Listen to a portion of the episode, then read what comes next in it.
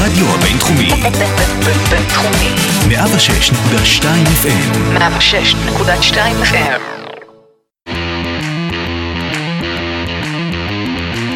לא רק סטודנטים. פודקאסט הלימודים, קריירה והגשמת חלומות. עם יקיר אלעזרי. שלום לכולם וברוכים הבאים לפודקאסט לא רק סטודנטים. הפודקאסט שישנה לכם את כל מה שחשבתם על לימודים, קריירה, הגשמת חלומות. אני יקיר אלעזרי ואנחנו נארח היום את uh, נועם גוטליב. בן 25, uh, אוטודידקט, עשה את uh, שירותו הצבאי כחייל וקצין בחטיבת המחקר של חיל המודיעין. כיום נועם סטודנט לתואר ראשון בתוכנית פכ"מ באוניברסיטת תל אביב, שנרחיב עליה, אבל בינתיים שככה תדעו מה זה פכ"מ, תוכנית רב-תחומית שמשלבת לימודי פילוסופיה, כלכלה ומדעי המדינה.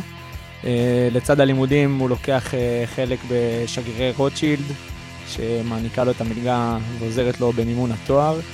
בתחום הקריירה, שזה התחום המקביל ללימודים, נועם uh, מנהל מוצר בחברת אטלס, שמפתחת תוכנות למגזר השלישי ולמגזר הציבורי. בנוסף לזה, כן, יש עוד דבר שהוא עושה, אנליסט בקרן הון סיכון שנקראת SIBF. Uh, גם לשם נצלול ונסביר מה זה בעצם אנליסט ומה זה אומר אנליסט בכלל בקרן הון סיכון. והכי חשוב, איך uh, העולמות האלה מתנגשים ביחד עם לימודים. אבל כששואלים את uh, נועם מה הוא עושה בחיים, אז הוא אומר שהוא מנהל השקעות של הזמן שלו. אז נועם, אני ממש שמח שאתה כאן. אני חושב ש... קודם כל, ב... אני רוצה לתת שנייה איזה ככה למאזינים. אני שפגשתי אותך בפעם הראשונה ועשינו תחקיר ככה לפני הפרק, אז מאוד מאוד התרשמתי, ואני מקווה שגם uh, זה הרושם שיקבלו המאזינים שלנו. את הפרק אנחנו נתחיל עם הלימודים, לאחר מכן uh, נדבר על הקריירה, ובסוף uh, תן לנו את השילוב בין השניים. אז uh, איך מגיעים uh, ללמוד uh, בכלל המחשבה על תוכנית ש... כמו פק"ם? אז uh, שלום לכל המאזינים. Uh, בהמשך לדברים שיקיר אמר, uh, ולא הזכיר משהו שהוא חשוב, למרות שהוא לא בנושא של הפרק, לצד לימודים וקריירה, אני גם נשוי, ולאשתי גם קוראים נועם, אז התחלנו עם איזה גימיק, נכון. שיהיה לכם על מה לחשוב, ועכשיו נשעמם אתכם קצת.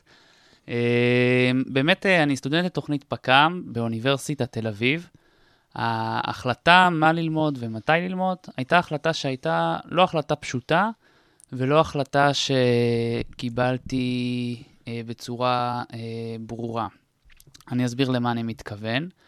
אה, כשהשתחררתי אה, מהצבא, אחרי כמה שנים של שירות, אחרי קצונה, אה, ומתוך התלבטות שהייתה עוד בצבא בזמנו, אם אני בכלל אולי נשאר לקריירה צבאית ויוצא ללימודים בתחום שהצבא שולח אותי ללמוד, עמדתי בצומת עקרונית ופתחתי לגמרי את השאלות שקשורות ללימודים. אני רוצה ללמוד, אני לא רוצה ללמוד, בטח הרבה מכם נתקלו בתכנים על האמירה שאולי החשיבות של תואר אקדמי היום היא פחותה ממה שהיא הייתה בעבר, אולי אם כבר לומדים אז בכלל תלמד במשהו ריאלי, תלך ללמוד הנדסה, מדעי המחשב, משהו שיסדר אותך, שתוכל להיות רגוע וגם האמא הפולניה שלך תוכל, תוכל להיות רגועה. אה, ואולי בכלל, אז תוותר באמת על התואר ו- ותלך ותעשה משהו אחר. אני אגיד, וזו נקודה שגם חשוב לי, ואני כנראה גם אחזור עליה בהמשך, שזה גם, הבנתי שההחלטה הזאת מורכבת, שאני צריך את הזמן כדי להחליט אותה, ואני לא לוקח אותה כמובנת מאליו, פשוט מחליט משהו. והיו גם שלבים שבתוך הקבלה של ההחלטה, שגם נעזרתי בגורמים חיצוניים, כולל ללכת אה, לקואוצ'רית בתחום של תכנון, לימודים וקריירה, ובאמת לחשוב על השאלה הזאת, למה ללמוד את מה שאני לומד, ואיך אני משלב עם זה עם דברים אחרים. אם אני שם אה, לדוגמה את, את מה שאמרת עכשיו, איפה זה בציר זמן? איפה אתה? אמרנו שאתה אחרי צבא, בדיוק בהתלבטות אה, מה, מה לעשות? אה, מאיפה מגיעה, בוא נגיד, התובנה הזאת שאומר, אני רוצה ללכת לקואוצ'רית, כי אני מבין, כי, אני מבין את זה כי מה? כי אני בעצם בדצמבר 2017 משתחרר, אה, מתחתן אה, בינואר 2018, אה, ו- וככה עומד ושואל את עצמי עד אוקטובר, כן, שיגיע, איפה אני רוצה להיות אה, באוקטובר, אה, אה, אם בכלל. אה, ובחודשים הראשונים ניהלתי את ההתלבטות הזאת אה, עם עצמי, עם, אה, עם האנשים שמסביבי. קראתי כמה שאני יכול על כל מיני תארים, דיברתי עם אנשים שלומדים כל מיני תארים. הייתי כבר אחרי פסיכומטרי שעשיתי במהלך הצבא. ו, ואני מוצא את עצמי בסופו של דבר נקרא בין שלוש אפשרויות מרכזיות. האפשרות הראשונה הייתה לוותר על התואר וללכת אה, ישר אה, אה, לשוק התעסוקה ולתכנן מסלול רק בנתיב של תעסוקה, אולי עם איזה בוטקאמפ, אם אני... שעדיין ידעת, שעדיין, שידעת מה אתה רוצה, במה אתה רוצה לעסוק? אז זה חלק מזה, אנחנו ניגע בזה גם בהמשך, ב... אבל, אבל אני בעצם לא יודע מה, מה... אני אגיד אמירה פילוסופית. השאלה במה אני רוצה לעסוק היא עצמה שאלה ש... שיש הרבה צורות לשאול אותה, והתשובה אליה היום, והיא מאוד שונה מהתשובה שלפני 30 שנה היו אנשים נותנים לשאלה. מי שהולך להיות רופא או עורך דין או מקצוע, נקרא לזה אה, התמחותי, אז הוא הולך ויש לו מסלול מאוד מסורטט וברור. כבר בשלב הזה, אה, מיד עם השחרור, הבנתי שהעולמות שה, שאני רוצה לעסוק בהם, גם אם אני עוד לא יודע לצבוע את זה אה, בדיוק, זה עולמות משתנים, שלא תהיה איזו תעודה ספציפית או איזו דיפלומה ספציפית. שתיתן לי את הגושפנקה לעסוק בהם, וגם כשאני אגיע לכל מיני תעודות או נקודות ציון, זה לא יהיה אה, קו אחד שילך ויתפתח ליניארית במשך 20, 30, 40 שנות קריירה. אני מבין, אבל בטוח שהתייחסת לגורמים uh, מהעבר. ידעת להגיד איזה סוג של בן אדם אתה, ריאלי, הומני, כי בדרך כלל סטודנטים שמגיעים uh, לתואר, אני זוכר שתמיד ההתלבטות שלי הייתה, אוקיי, במה אני יותר חזק? אני בן אדם של מתמטיקה, פיזיקה ומקצועות הריאליים, או שאני יותר, אה, לא יודע, פילוסופיה ו- והדברים אה, הרכים יותר? אז אתה מעלה פה נקודה, בתיכון אה, גם הייתה בעצם את ההתלבטות, כמו שציינת, ו- ושם עוד לא בחרתי. בתיכון מצד אחד עשיתי אה, מגמת אה, פיזיקה ומחשבים והרחבתי במתמטיקה, ומצד שני עשיתי מגמות אה, היסטוריה וספרות, ו... ומגמות שקשורות ליהדות, אה, תלמוד ותנ"ך, ולא בחרתי עדיין, אם אני אומן או ריאלי, לא ידעתי מה הדבר הנכון אה, לי. אה, שמחתי והתעניינתי מאוד בשני התחומים, ובכלל, אה, וזה משהו שאני גם אה, אדבר עליו בהמשך, אני מאוד מאמין בסקרנות בכלל. גם אם יש משהו שאתה מומחה בו, אז כדאי מאוד שאתה תדבר עוד הרבה שפות ו- ותיגע בעוד הרבה תחומים שירחיבו וישלימו את התפיסה שלך על אותו דבר שאתה עושה כרגע. ואחרי הצבא אני בעצם עמדתי בצומת שכן נדרשתי להכריע האם אני הולך עכשיו להתמחות בעולמות ההומניים או שאני הולך להתמחות בעולמות הריאליים. ושם הייתה החלטה ובאמת אה, היו לי אה, 150 אה, סיבות אה, למה, למה ללכת לכיוון של אה, לצורך העניין מדעי המחשב בתואר. ו-150 סיבות נגדיות uh, למה ללכת uh, ללמוד איזה משהו שירחיב לי את האופקים וייתן לי uh, עולם של תפיסה יותר רחבה, של מדעי הרוח והחברה. והבנתי שלבד אני לא, אני, זאת אומרת, אני יכול לזרוק מטבע ולהכריע, אני יכול סתם להכריע בצורה שרירותית, אבל אולי בעצם אני, אני, אני רוצה לבנות מה שנקרא משתנה החלטה, אני, אני רוצה להבין איך בכלל להכריע, לפי מה אני מקבל החלטה בשאלה כזאת. אה, ומה המשמעויות של כל, החלט... של כל בחירה, ולכן הלכתי אה, לתהליך אצל קואוצ'רית. שהיא בעצם אה, מרכזה לך את הדברים ו... ש, ש, בדיוק, שממנו עשינו מה שנקרא אה, אה, אה, drill down, הלכנו והסתכלנו מה בכלל חשוב לי בטווח של 10 ו-20 שנה קדימה בתחום המקצועי להשיג, בכל מיני מדדים, החל ממדדים פשוטים ומדידים כמו כסף, אה, וכלה במדדים אה, יותר רכים נקרא לזה, שיותר קשה להגדיר ויותר מופשטים, של איזה סוג ניהול אני מחפש, אה, ואיזה סוג אה, ארגונים אני מחפש, ואם זה ארגון קטן או בינוני או גדול, ומה בכל שלב, ואיך נראה ציר ההתקדמות. אה, כמובן בכמה דפאות, בכמה מסלולים, לא באים ומסרטטים מסלול אחד, אלא, אלא כמה חלופות, אבל שבגדול יש איזה היגיון שמאחד אותן. ומתוך הדבר הזה, הבנתי שהעולמות שלי יכללו למידה מתמשכת בכל שנות הקריירה, ולא איזה בלוק למידה אחד שאני עכשיו בא ומתחיל ומסיים את התואר, ועם הבלוק הזה אני הולך ואני משתמש בו אה, בתחנות הבאות. והנקודה עכשיו זה להניח יסודות רחבים כמה שאפשר, שייתנו לי הסתכלות אה, הוליסטית, הסתכלות ש, שיכולה להסתכל על בעיות מורכבות מהרבה זוויות, אה, וכדי לבנות את זה, זאת אומרת, והשימושים שאני אעשה בכישורים האלה יהיו מגוונים וישתנו בשנות הקריירה השונות, ולכן תוכנית פק"ם, שהיא תוכנית שמצד אחד אה, לומדים בה אה, קורסים, אה, תואר בעצם בכלכלה, וחטיבה במשפטים, שזה תחומים יחסית של דיטלס, יחסית קונקרטיים, עם אמירה, אבל מהצד השני מרחיבים את האופקים עם, עם הרבה מאוד קורסים בפילוסופיה ובמדעי המדינה, היה נראה כמו תואר שגם ייתן לי תפיסה רחבה על מערכות מורכבות, אה, מדינות ואחרות, ותואר שגם ילמד אותי בכלל מה זו תפיסה רחבה, אה, שזה המשאב העיקרי שאני רוצה להפיק מהתואר הזה. היכולת להסתכל על דברים משלל פרספקטיבות ולראות אותם בכל מיני רבדים שלהם. וזה משהו שאתה כל הזמן חווה, שאתה מתעסק עם בעיות שקשורות, ל, לדוגמה, אה, הזיקות בין מוסר לכלכלה, הזיקות בין כלכלה לניהול של מדינה, הזיקות בין ניהול של מדינה אה, באידיאלים שלה לבין איך אתה פורט את זה למערכת חוקים ברמה המשפטית. כל הקפיצות האלה משכבה לשכבה, זה בעיניי הלב של מה שאני לומד. זה די דומה למה שעשית בצבא בעצם. אה, באמת בצבא, וכנראה שאני פחות אפרט בנושא, אבל, אבל אה, בצבא הייתי צריך להתעסק גם בבעיות מורכבות, שיש להן הרבה זוויות, שקשורות לאינטרסים הביטחוניים של מדינת ישראל. אה, וזה אולי משהו שנתן לי איזה רמז, איזה סימן לזה שהסוג הזה של ההסתכלות מעניין אותי. אז בוא נצלול שנייה לתואר עצמו. אני רוצה שנצלול דווקא לדברים, ה, בוא נגיד, ה, המעצבנים נקרא לזה, מהמם. הקורסים, ההתמודדות עם זה שמדובר ב, בכל כך הרבה דברים והשילוב ביניהם, ואני רוצה שתיגע טיפ-טיפה גם בזמן, שעליו נרחיב כמובן עוד בהמשך, אבל uh, אם תוכל לציין מה הקורסים שמעניינים אותך, uh, מה בעצם, uh, לא יודע, מה, מה, מה אתה אוהב בתואר הזה מהבחינה, בוא נגיד, uh, להקשיב למרצה עכשיו, לעשות עבודה באיזשהו נושא, באמת, אה, התואר בפק"ם עצמו, עוד בלי שילוב עם אה, צירים אחרים כמו ציר העבודה, הוא עצמו דורש שילובים בין דברים, כי הוא תואר מולטי-דיסציפלינרי, שבעצם נוגע, כמו שציינתי, בארבעה תחומים. אה, גם בתוך התואר הזה, אתה כל הזמן צריך להבין מה אתה מנסה, לאן אתה מנסה להגיע, אם, כן, לתכנן את המסלול בתחילת הסמסטר כדי להיות בתחנה הנכונה בסוף הסמסטר, אה, ו- ולהיות עם מה שאתה רוצה. אה, ולתמרן בין קורסים שיש בהם תרגולים ריאליים, לבין קורסים שהם במהות שלהם מאוד הומניים. וזה- לאן אתה מתחבר יותר? לאיזה קורסים?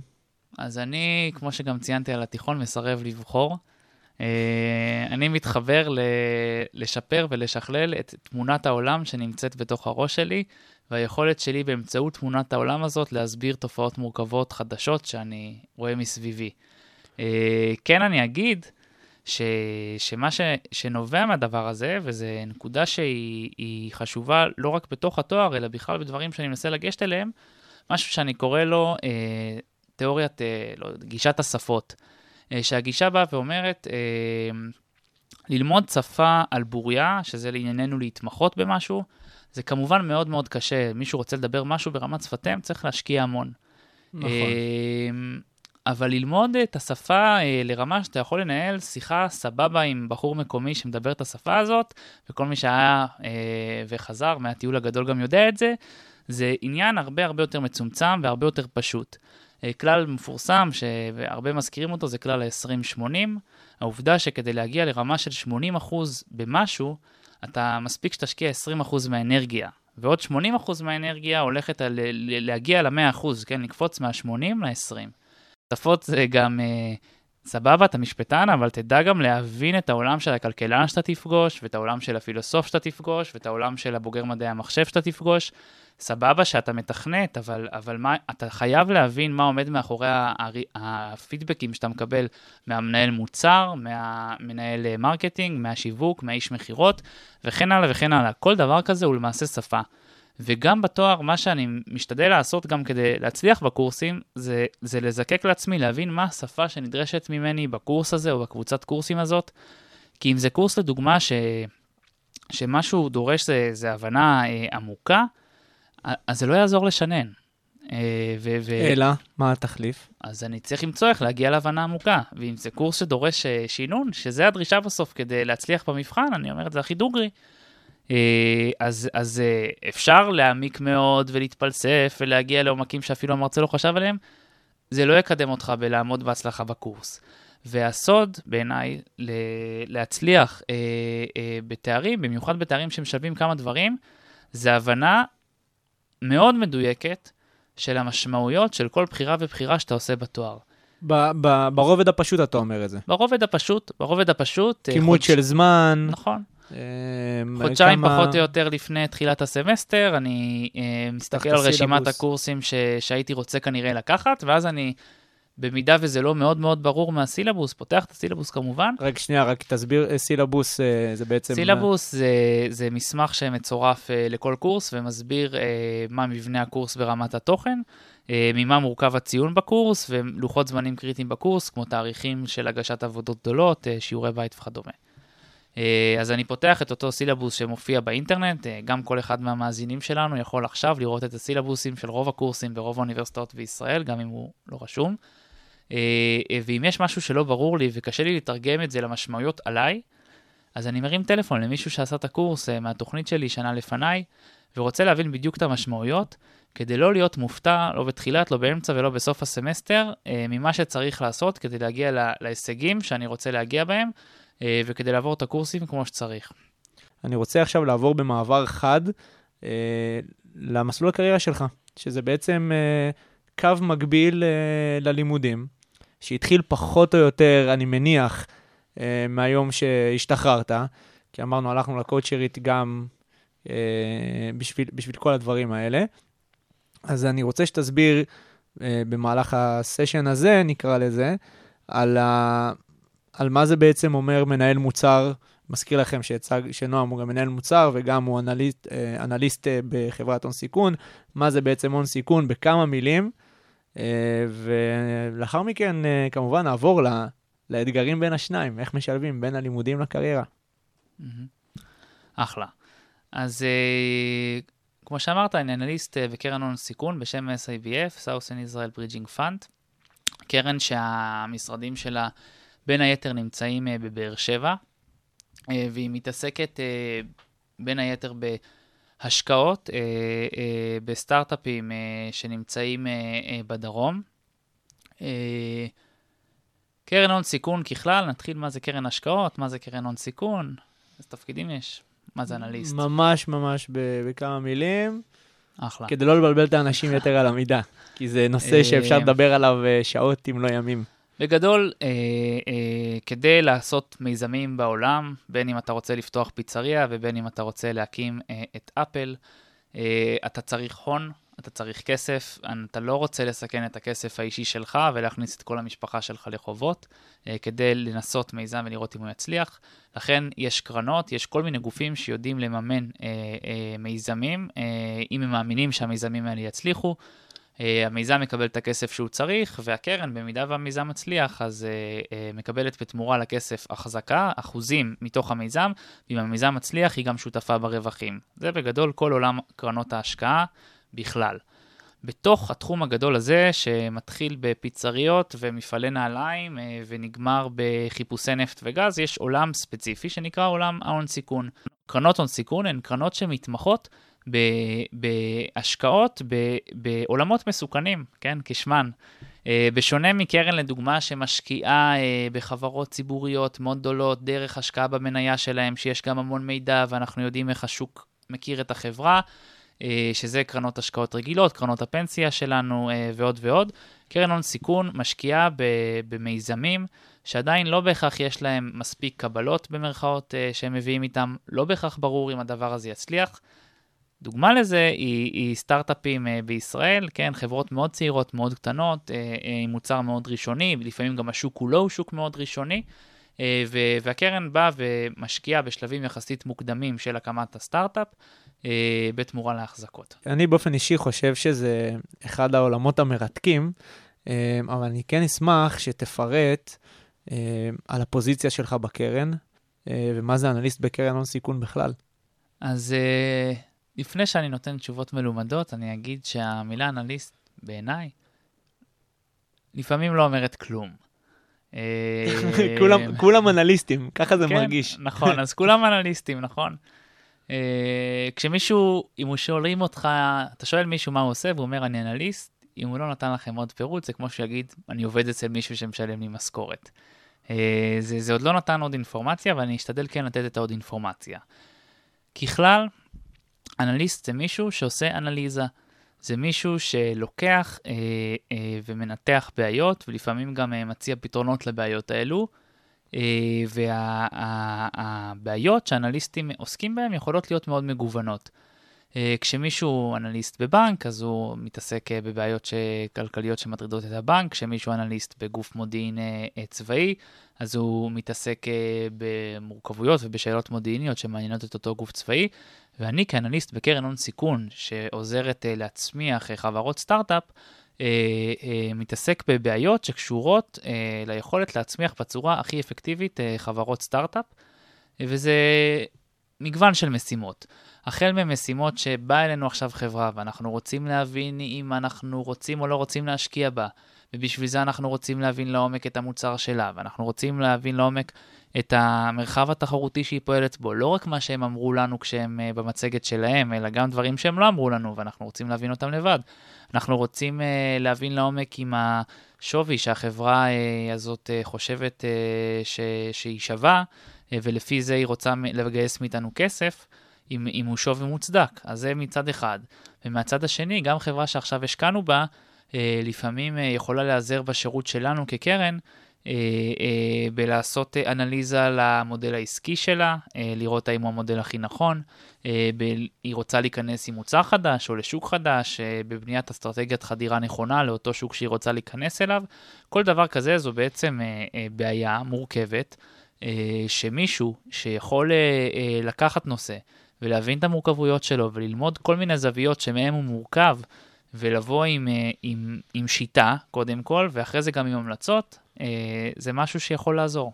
לפני שאני אשאל אותך איך מגיעים להיות אנליסט בהון סיכון, כי זה נראה לי הדבר הכי, הכי שווה שיש, אני רוצה שנעבור לדבר הנוסף שאתה עושה, אה, לניהול מוצר. גם תסביר מה זה אומר לנהל מוצר, ואיזה מוצרים אתם אה, מפתחים, למי הם מיועדים.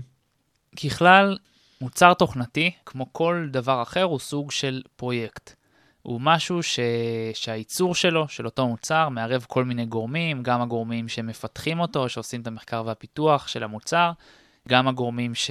שמייצרים אותו, גם הגורמים שמשווקים אותו, הגורמים שמוכרים אותו, ובסופו של דבר הלקוחות שמשתמשים באותו מוצר. וכפרויקט יש לו אה, מורכבויות. מכל הזוויות שתיארתי. מנהל המוצר הוא מי שאחראי, אה, מה שנקרא end-to-end, מקצה לקצה, אה, להיות ה-owner, האדם שאכפת לו אה, מהמוצר, שרואה לאן המוצר הולך, ש, שמשרטט אה, אה, את השלבים הבאים, שעובד מול צוות הפיתוח בחברה לראות שה, שהדברים קורים, על הפיצ'רים השונים, זה מגיע עד כמובן לרזולוציה של המתכנת הספציפי שבונה את המסך הספציפי שאתה יושב איתו. אה, וכלה גם להיות כל הזמן עם אצבע על הדופק על המשתמשים של המוצר, אה, מה הם אוהבים במוצר, מה הם לא אוהבים וצריך לשנות. אם יש בעיות קריטיות אז להביא את הגורם שיכול לטפל בהם בקבועי זמנים הרלוונטיים. בקיצור, מנהל המוצר זה, זה האימא והאבא של מוצר. ואני רוצה להגיד פה משהו, למרות שעוד שנייה אני אדבר בהייטקית. אה, אה, מנהל מוצר זה לא תפקיד שקיים רק בהייטק. בישראל מכירים אותו אה, מאוד בעולם של הייטק, כי זו תעשייה שמאוד מאוד דומיננטית פה בישראל, אבל תהיו בטוחים גם שלכל מברשת שיניים חשמלית של פיליפס שאתם קונים, יש מנהל מוצר. יש את כל המורכבויות שבעצם... או לא חשמלית. או לא, לא חשמלית, נכון? בדיוק. זאת אומרת, אז, אז מישהו שמנהל מוצר, מה, מה הסקילס, ש... מה המיומנויות שהוא צריך? יש דברים שמשתנים כפונקציה של המוצר.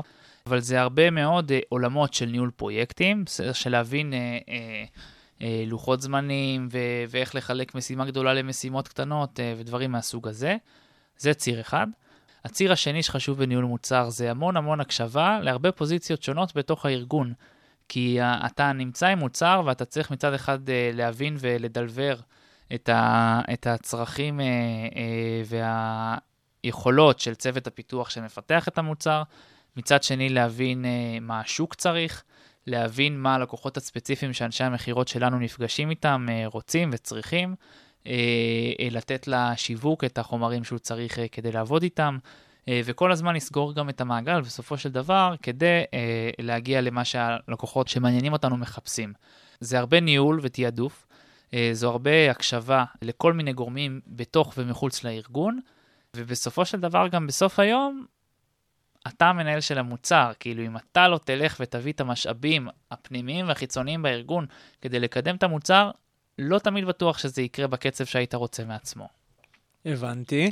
המוצר שלנו, שאני מנהל, זה תוכנה לרשויות מקומיות בארץ ובעולם, שעוזרת להם להתמודד עם uh, התחום שנקרא, בשפה הפנימית של התחום, קולות קוראים, כלומר uh, מכרזים בין גופים גדולים כמו ממשלות, uh, ביטוח לאומי, גופים גדולים, שהמתמודדים בהם זה לא uh, ספקים, אלא עיריות שונות או רשויות מקומיות שרוצות תקציב לביצוע של פרויקטים בתחומי הרשות. יש לנו מוצר שהוא סוג של BPM, Business Process Management, שגם יודע לקחת ו...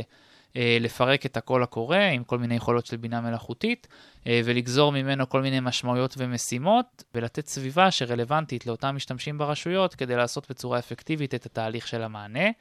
החברה, כמו שאמרתי, היא חברת פורטפוליו של הקרן. כלומר, ה- ה- ה- יש קשר בין הדברים, זה, זה לא דברים אה, אה, אה, שונים.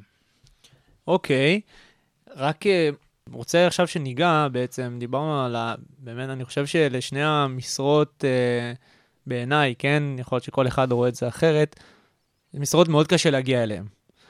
איך, אה, איך, איך מגיעים למשרות כאלה? איך עכשיו מישהו שאומר, בואנה, יש יש פה דבר עם אימפקט, אה, אם אני אסתכל על הצד של ההון סיכון, ויש פה את הדבר אה, של הניהול מוצר, שזה בעצם דברים, אה, דברים מאוד מעניינים. איך מגיעים למשרות כאלה? איך אתה הגעת, הגעת לעבודות האלה? אז אה, שאלה טובה. אני בעצם מחזיר את כולנו לשלב ההוא, עוד שהשתחררת מהצבא. נכון. כי זה בדיוק הנקודה שממנה יוצאים שני הקווים, כיוון אחד אה, הלימודים וכיוון אחד הקריירה. נכון. אז בעצם uh, בתקופה הזאת, כמו שאמרתי, אני אמרתי בצחוק תקופה אפלה, כי, כי לא הכל, לא כל מה שאני עושה, לפחות אולי אנשים אחרים כן, אבל לא כל מה שאני עושה בחיים uh, מצליח לי. וגם לי היה, uh, נקרא, לא רוצה לומר כישלון, אבל כן איזה, איזה משהו, אתגר, uh, איזה טעות מסוימת, uh, אני אומר לאחר מעשה, או משהו ש... בקיצור, בחירה לא אידיאלית uh, uh, בעולמות האלה של, ה, של הקריירה. מיד כשהשתחררתי, אדם שאני מכיר עשה לי חיבור ליזם שהיה בשלבי הקמה של סטארט-אפ, עם רעיון מדהים, פוטנציאל אדיר, שוק ענק, לתפקיד שעם הכותרת המפוצצת והנוצצת סמנכ"ל, ואחד העובדים הראשונים של החברה. התחלתי לעבוד באותה חברה, ולמרות ה...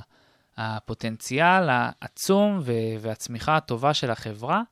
אה, אישית, התפקיד שאני עשיתי אה, הלך וקיבל מתכונת אה, מסוימת, ש, ש, שבאותו זמן לא התאימה לי.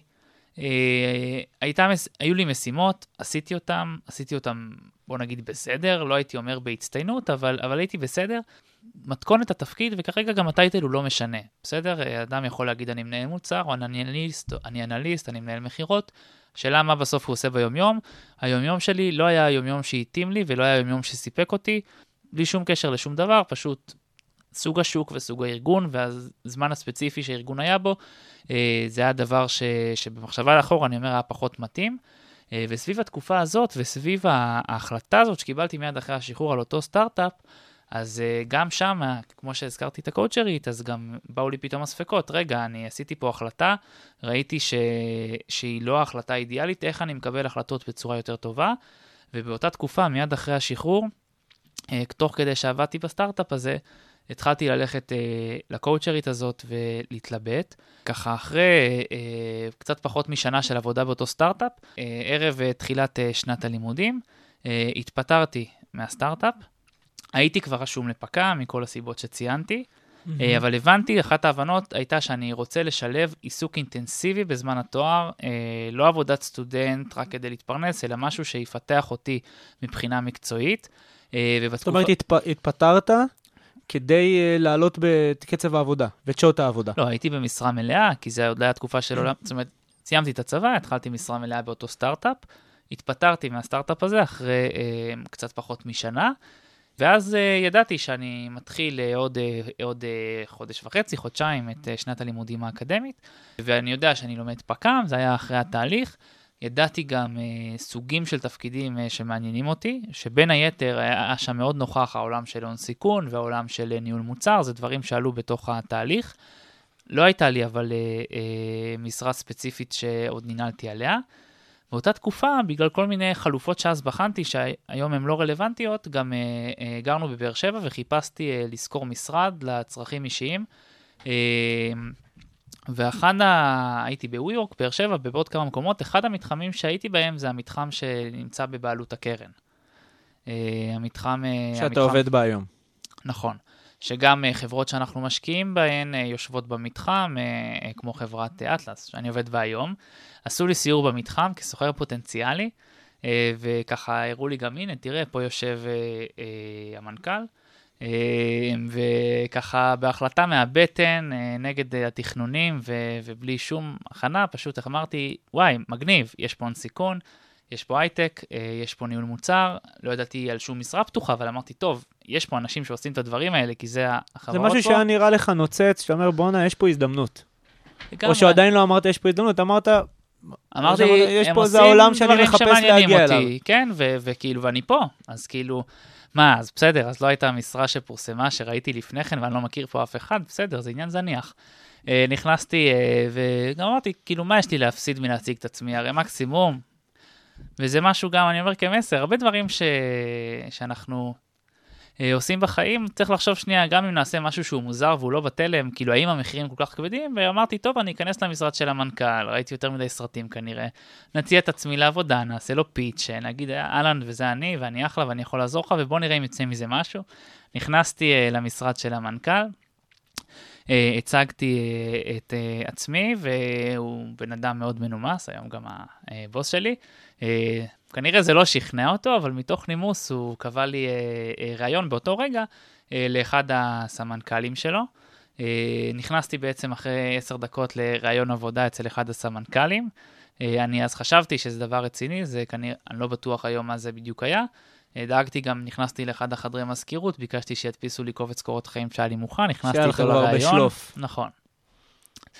החיים זה אלתור, אבל אלתור על גבי תשתית של אה, תכנון ו- והכנה, אז כן, אתה לא יכול לעשות כזה צעד כשאפילו אין לך קורות חיים, אפשר, אבל אז כמובן יש לזה אה, נראות אחרת. אה, עשיתי ראיון, כשאין איזה משרה ספציפית שהיא פתוחה, אז אה, גם זה לא היה ראיון לתפקיד ספציפי, אלא יותר התרשמות כללית אה, עליי, אה, ולא יצא מזה כלום. אה, השארתי את הקורות חיים, יצאתי, חיכיתי שבוע, אף אחד לא התקשר אליי. אה, ואז עשיתי חושבים עם עצמי, אמרתי, טוב, סבבה שראיתי הרבה סרטים הוליוודיים, אה, ושמעתי כל מיני הרצאות TED, אבל אין להם משרה והם לא מכירים אותי, חוץ מהרושם שעשיתי באותה אה, פגישה, למה שהם יחזרו אליי. אבל אה, היו לי אה, שבועיים פנויים, כמו שאמרתי, כבר התפטרתי אה, מהסטארט-אפ שעד אז עבדתי בו, אה, והיינו שבועיים לפני אה, טיסה לירח דבש, ואמרתי, טוב, בוא נעשה עוד ניסיון.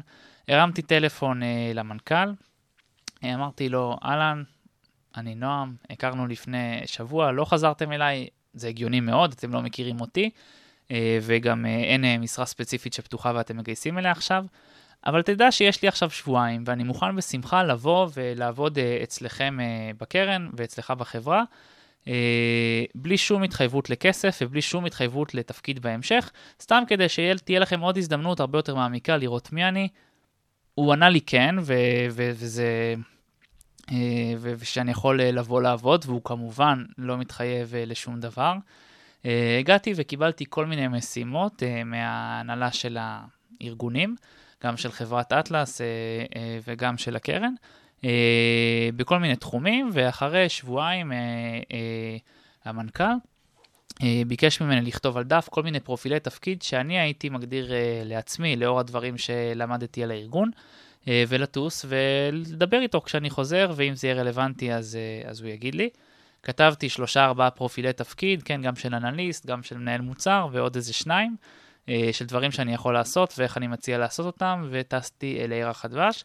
כשחזרנו, אה, אחרי חודש, הרמתי טלפון והחליטו אה, אה, להציע לי תפקיד, וככה הגעתי למה שאני עושה היום. זאת אומרת, אחרי שקיבלת את המשימה הזאת של בוא, תגיד לנו מה, מה, תרשום את על דפים את מה שאתה מעוניין לעשות, אז חזרת עם, עם עצמך, עשית שנייה חושבים, וכבר אז אה, קרץ לך העניין הזה של האנליסט, וקרץ לך העניין הזה של ניהול מוצר, ובסוף, אה, כשאתה חוזר מחו"ל, אז, אז אתה חוזר למשרות האלה? אז המשרה אה, עצמה, תראה, גם מילה מנהל מוצר, אמרתי שהמילה אנליסט זה מילה ש, שלא תמיד אומרת משהו, גם מילה מנהל מוצר יש לה שלל פרשנויות. יש בה את אה, המילה מנהל, זה או, מחייב לגמרי. בפועל מה שהם באו ואמרו, אנחנו רוצים uh, להעסיק אותך, בוא, בוא לא נדון על טייטלים. כאילו, ניתן לך משימות ולאט לאט on the, on the go, כאילו אנחנו נלך ונראה, השתכנענו בשבועיים שעבדת ש, שיש לך ערך שאתה יכול להביא ל, לארגון. והתחלתי ממשימות שהשלימו פונקציות אחרות בארגון, סוג של ג'וניור כזה, לעזור למנהל מוצר uh, בכיר שנמצא בחברת אטלס uh, בכל מיני אפיונים ובכל מיני uh, משימות ספציפיות בתוך המחזור חיים של מוצר. אותו עיקרון בעולם של האנליסט, אה, להתחיל ממשימות מאוד ספציפיות, אה, גם בהיקף יחסית מצומצם של יומיים בשבוע, תוך אה, חודשיים-שלושה, כבר הייתה נכונות מוחלטת של, של הארגון ללכת לשלב הבא, והיקף המשרה גדל וגם היקף האחריות. אוקיי, אחרי שככה נגענו בפרק של הקריירה, דיברנו על ניהול מוצר ודיברנו על מה זה אנליסט בכלל, אני עכשיו רוצה שנדבר באמת על, ה, אני חושב, על הליבה של הפרק, שלשם כך התכנסנו, בעצם זה לא רק סטודנטים, אלא גם דברים אחרים, אבל איך משלבים תואר, אה, אני מניח, כן, שהוא כל כך אינטנסיבי, עם אה, עבודה שדורשת המון. איך עושים את זה? מה זה זמן? זה, זה תעדוף? זה, איך, איך מסתכלים על הדברים? אני כן אשמח שתפשט לנו ותגיד לנו איך אתה עושה את זה, ותוך כדי גם תזרוק אה, ככה כמה טיפים אה, קטנים אה, גם למי ששומע אותנו. טוב, אז כדי באמת אה, לשלב בין הרבה דברים, אני ארצה לגעת בשלוש נקודות. אה, הנקודה הראשונה היא תעדוף, איך אנחנו עושים אה, תעדוף נכון. אה, הנקודה השנייה היא למידה והפנמה, נקרא לזה, של אה, משמעויות. ורק הנקודה השלישית, שהיא הסופית, היא ניהול הזמן. הנקודה הראשונה, והיא התעדוף, אני חושב שלפני שמתחילים לנהל דברים ו- ולהחליט איך uh, ל- לעשות אופטימיזציה, איך uh, לעשות את סדר היום הכי נכון ואיך למלא כל משבצת ביומן, אנחנו צריכים להחליט לאן בכלל הדברים האלה הולכים. מה הדברים שאנחנו רוצים להשיג uh, ומה העדיפויות שיש בין הדברים. כי אם אין לנו את, ה- את ההבנה מה אנחנו מתעדפים ואיך אנחנו בכלל מתעדפים, גם כשהחיים ישימו לנו עוד כל מיני בלת"מים וסיטואציות שצריך לתעדף ביניהם, אז אנחנו, אנחנו לא נדע לקבל את ההחלטות הנכונות כשנגיע לשאלות הטכניות בסוף של מה אני קובע אה, מחר בבוקר ומה אני עושה אה, מחר בצהריים. אה, וכל החלטה שאנחנו מקבלים על ניהול הזמן שלנו ועל המשימות שלנו, אני משתדל עליי שיהיה לי בהירות מה סדרי העדיפויות שבגללם אני מקבל את ההחלטה הזאת. לדוגמה, זה נהדר אה, לסיים מצטיין דיקן בתואר, נכון? לגמרי. וזה נהדר אה, לעבוד אה, 100% משרה אה, בגוגל, נכון? לגמרי. ומה הניהול זמן האפקטיבי שמאפשר לנו גם לקבל מצטיין דיקן אין בתואר? אחד כזה. וגם לב... אין אחד כזה? אין אחד יפה. כזה. אז uh, שום טיפ לניהול זמן לאדם נורמלי ונורמטיבי, ו- ואני אדם נורמלי, לא יאפשר, uh, לא יאפשר לי גם לעבוד 100% משרה בגוגל וגם להיות מצטיין דיקן. אז מה אתה מתעדף על מה? בוא נשאל את זה אז- בצורה דוגרית. בדיוק, אז, אז, אז עכשיו אני צריך להבין, רגע, אז, אז במקום להגיד הכל טוב, כי כל דבר בפני עצמו הוא טוב, זה בדיוק המורכבות ולפעמים המחיר הכואב שצריך לשלם בתעדוף.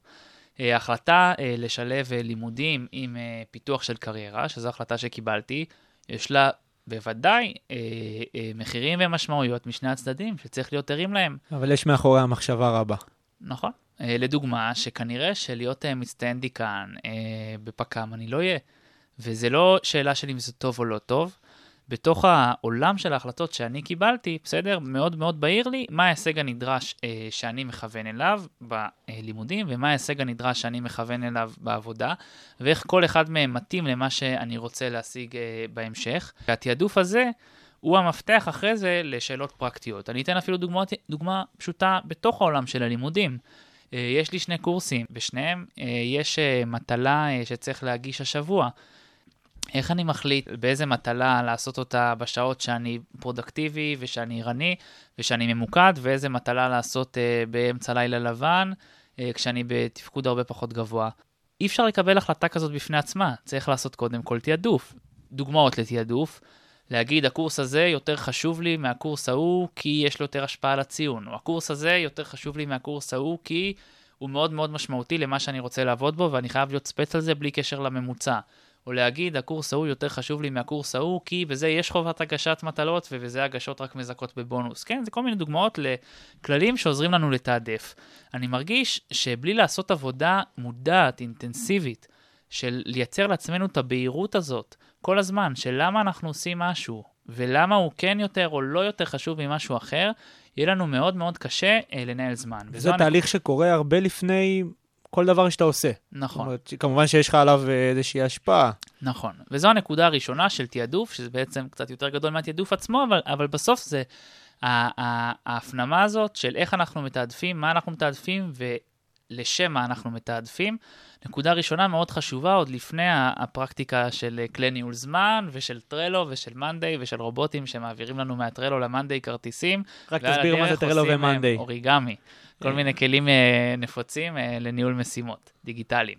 הנקודה השנייה, אה, שזה בהירות ומשמעויות, זה יישמע מאוד מפוצץ, אבל אני אגיד ש, שלנהל זמן ומשימות בצורה אפקטיבית זה לשלב בין מדע לאומנות, משהו שאומרים אותו על הרבה דברים, כי מה לעשות, זה החיים, יהיו בהם בלת"מים, יהיו דברים שלא לקחנו בחשבון. אבל כדי להתמודד נכון עם בלת"מים, עם דברים שלא לקחנו בחשבון, אני משתדל לעשות את המקסימום, אה, להבין כמה שיותר מראש, לפני שהשלב של קבלת ההחלטות. לדוגמה, וזה, נגעתי בזה אה, בתחילת הפרק. יש פה משהו מאוד פילוסופי, שילוב בין מדע לאומנות. טוב, לא סתם אתה לומד פילוסופיה. אה, לפני שאני נרשם לקורס, אני כבר מרים טלפון למישהו שעשה אותו, פותח את הסילבוס, ולרוב גם משתדל לעבור על המבחן הסופי אה, של הקורס מהשנה הקודמת ולראות מה נדרש. כי אני חייב שיהיה לי כמה שיותר מידע שיתמוך את ההחלטות שלי לפני שאני מקבל החלטות שבתוכם יש כל מיני בלת"מים שצריך לקחת בחשבון. אם יש פרויקט שאני קשור אליו, אני חייב לקחת בחשבון אה, מתי הפיקים, מתי נקודות שהפרויקט ידרוש המון בתוך העבודה, כי ברור שבאותם זמנים, גם בלי לדעת מה יהיה בצירים אחרים, כנראה שיהיה לי פחות קשב. אז הפנמה של המשמעויות של כל אמירה מראש, כמה שיותר זמן מראש, אני חושב שהיא חשובה. ובהקשר הזה אני אגיד שפילוסוף אה, פוליטיים בשם תומאס הובס, היה בין אלו שהגדירו אה, היגיון או רציונליות כמה שנקרא רציונליזם אינסטרומנטלי. instrument, instrument זה כלי. היכולת להתאים כלים לתכלית שאנחנו רוצים אה, להשיג איתם. אם אני למדתי יום פחות מדי למבחן ולכן נכשלתי במועד א', זה כישלון, אבל גם אם למדתי יומיים יותר מדי למבחן אה, ועברתי במועד א', זה, בסוף זה כישלון מאותו סוג. האמצעי, שזה זמן הלמידה שלי, לא היה אה, מאופתם, לא היה מותאם בצורה הכי הכי נכונה למטרה שרציתי להשיג, שלענייננו זה לעבור את המועד א'. וזה, אתה עושה, עשית בזה ניסוי וטעייה גם? או שכל פעם, זאת אומרת, כאילו שנה א' הייתה שונה משנה ב'? תהליך הזה שאני מדבר עליו עכשיו, של תעדוף ושל uh, הבנת המשמעויות של כל uh, החלטה שלנו ומה זה יגרור וניסיון להיערך לבלת"מים, הוא קורה כל הזמן. אין לי את הפריבילגיה להפסיק אותו בשום רגע. כלומר, כל הזמן uh, יש איזו למידה שהיא מסמסטר לסמסטר ו- ומשנה לשנה. וזה הולך אה, ומשתכלל. וזה כל ש... הזמן, יש איזה מודל בסיסי שבא ואומר, שדיברתי עליו, שאומר, תבין את המשמעויות, ותגיד מה חשוב לך, ומה הסדרי עדיפויות, והוא גם הולך ומשתכלל כל הזמן. אני אענה גם ש, שגם בתוכו, אז, אז יכולים להיות אפילו שינויים. אה, לדוגמה, אה, קורס ספציפי, פתאום קיבלתי החלטה שבמקום לשאוף לציון X, אני שואף לציון Y, אחרי שעשיתי הפקת, הפקת לקחים משיחות עם כמה אנשים שעשו את הקורס הזה, בכל מיני הקשרים ש, ש, שיכולים להיות רלוונטיים לי. כל הזמן אני מנסה לתקף ולבחון כל הזמן את, ה, את הסדרי העדיפויות שלי אה, ואת המידע שאני יודע על מה הולך להיות בעתיד, כדי אה, אה, להתאים את המודל, במרכאות, למציאות. אחרי שיצרנו את התעדופים הנכונים, ואחרי שעשיתי את הניסיון להפנים כמה שיותר את המשמעויות אה, של התעדופים ושל המשימות שלקחתי על עצמי, נכנס העניין של ניהול זמן. ובניהול זמן, אני לא אחפור על, אה, על אפליקציות ועל אה, ניהול יומן וכל זה, כל אחד אני חושב מוצא לאט לאט את הנתיב שמתאים לו בתוך העולם של המון המון המון כלים שעוזרים לנו לנהל ולתעדף משימות ומשבצות בלוז. אני כן רוצה לדבר על, על ההבנה, נקרא לזה הסובייקטיבית של הזמן, ההבנה האישית, הפרסונלית, של המשמעויות של הזמן עלינו. מעבר ל- לקבוע משבצות לדברים, אם אני אקבע אה, משבצת של תרגיל אה, במתמטיקה שדורש ריכוז אינטנסיבי בשלוש בבוקר, הסיכוי שלי לעמוד בהצלחה בלהוציא לפועל את המשבצת הזאת ולעשות את התרגיל וללמוד ממנו יהיה נמוך. אה, וגם לפעמים כשאני אקבע לעשות את התרגיל בשעה 10 בבוקר, אחרי שישנתי טוב ואכלתי טוב, ואני אגש אליו, ויכול להיות שיקרה שפתאום אני אראה שאין לי ריכוז בכלל. ופה אני אצטרך להיות שנייה קשוב סובייקטיבית לעצמי, ולהגיד, אוקיי, זה לא יעבוד עכשיו, אה, לאבא אנחנו, אני אנסה להבין אה, אה, איך לתכנן את הזמן שלי בצורה שדברים כאלה לא יקרו, אבל לשבת עכשיו ולבעוט שעתיים במסך של המחשב, ולהגיד, בתרגיל, זה לא יקדם אותי לשום מקום, אז עכשיו אני מקבל החלטה מהירה, אישית, מותאמת, ומשנה תוכנית. אז את, ה, את התרגיל נעשה בזמן אחר, ועכשיו נעשה משהו שיותר מתאים לי לעשות. זה יכול להיות פשוט משימה בעצימות יותר נמוכה, וזה גם ממש בסדר, וזה קורה להגיד, אוקיי, מה שאני צריך עכשיו זה לראות אה, שעה פרק, אה, וזה הניצול הכי נכון של הזמן שלי עכשיו. אה, אין, בעיניי זה, זה מבורך אה, להיות שקופים עם עצמנו ובהירים עם עצמנו, לדעת גם להגיד את זה.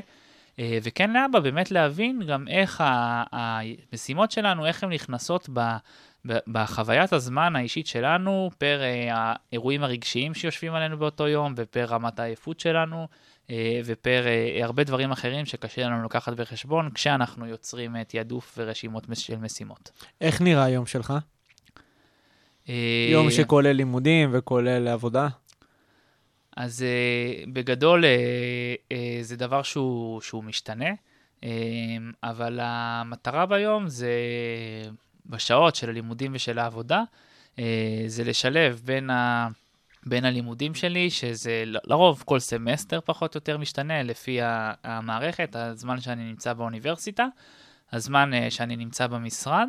ויש גם זמנים אה, דו-כיווניים, זאת אומרת, יכול להיות זמן שאני אה, נמצא עכשיו אה, באוניברסיטה, אבל נותן תפוקות שקשורות לעבודה, אה, או זמן שאני עכשיו אה, נוסע ברכבת לעבודה ועושה דברים שקשורים ללימודים, זה דבר שהוא מאוד משתנה. יש לך פנאי? אתה עושה דברים שהם מעבר ללימודים ועבודה? יש לך...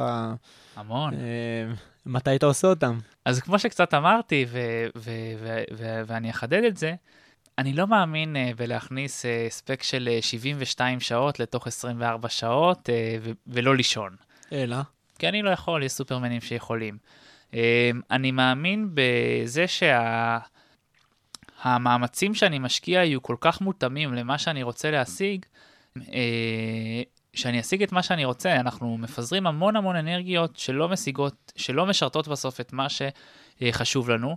Uh, ו- ומבחינתי, אם אני מבין שאני צריך לישון 7 שעות, ואני משתדל לישון 6 וחצי, 7 שעות בלילה, וזה דבר שבונה לי את שאר המשבצות ביום, אז זה הניצול זמן הכי טוב שאני יכול לעשות לשבע שעות האלה. Uh, ו- ובאותו צורה, אז uh, שעות פנאי, שעות ש- של בילוי uh, עם חברים, שעות של בילוי... הכל עניין של אה, מתי אתה פרודקטיבי, איך זה. אתה מתעדף את הזמן, מתי בעצם ה- אתה... עם, אתה הכי, הכי אפקטיבי למה שאתה צריך לעשות. זה, בדיוק. זאת, זה ה... לא יודע משוואה, אבל זה ה... ואני אגיד לך יותר מזה. שוב, יש כנראה אנשים שונים ממני, אבל אני בלי אה, השקעה ב, ב, ב, בזוגיות שלי, ובלי השקעה אה, בחברים, ובלי השקעה בפנאי, כנראה לא היה לי את האנרגיות להיות אפקטיבי בשעות של הלימודים והעבודה. כנראה. זה מה שאני יודע על עצמי מהניסיון שלי. אה, זה לא עוזר אה, להיות אה, שמונה שעות באוניברסיטה או להיות שמונה שעות במשרד, כי יכול להיות שאתה תשב שמונה שעות שם, או שאתה תשב שמונה שעות שם, והאימפקט שלך וההספקים שלך אה, במה שאתה רוצה להשיג יהיו אפס, וזה זמן מבוזבז. וגם כזה סוג של בזבוז זמן, אני משתדל להימנע ממנו בזה שאני משתדל לחיות חיים אה, מלאים. טוב, נועם, אנחנו קרובים לסיום, אבל יש שאלה שמעניינת אותי, אה, ואני בטוח שעוד אה, את מי שמאזין לנו כאן. הספקת לעשות המון המון דברים עד גיל 25. מהמם. איפה נועם גוטליב בגיל 35? שאלה שגם מעניינת אותי. כמובן שלצבוע את זה לפרטי פרטים אה, אני קשה לי, כי, כי זה חלק מהעניין של אה, שילוב בין תכנון להזדמנויות, ש, שיש עוד כמה שערי הזדמנויות בעשור הקרוב. אה, אבל, אבל ככלל כנראה שהעולמות שאני אהיה בהם, זה עולמות שלהיות טוב בהם ידרוש הסתכלות מקרואית, הסתכלות ממעוף הציפור על תמונה רחבה. שמורכבת מהרבה פרטים קטנים וזוויות שונות. דוגמאות למקצועות, בסדר? ש, שהדבר הזה נמצא בהם, זה יכול להיות uh, בעולמות כמו עולם הייעוץ האסטרטגי, שזה uh, כובע אחד שבו אתה נפגש בבעיות כאלה, זה יכול להיות בעולם של uh, ניהול המוצר, בסקייל כזה או אחר, בסדר גודל כזה או אחר, ש, שאתה צריך uh, לשלב את המיומנויות האלה, זה כמובן יכול להיות בעולמות uh, של ניהול מכל מיני סוגים. אבל כל עוד uh, העולמות האלה יספקו לי אתגרים uh, אה, אינטלקטואליים, אנושיים ותפעוליים, ושילוב של הרבה תחומי ידע לתוך שלם אחד, אז כנראה שזה יעניין אותי, וכנראה שאני אהיה שם. מדהים. נועם, תודה רבה שהגעת לכאן. אני נהניתי לדבר איתך, ואני רוצה לאחל לך בהצלחה בכל מה שתבחר לעשות. תודה לך, יקיר, ובהצלחה לכולם.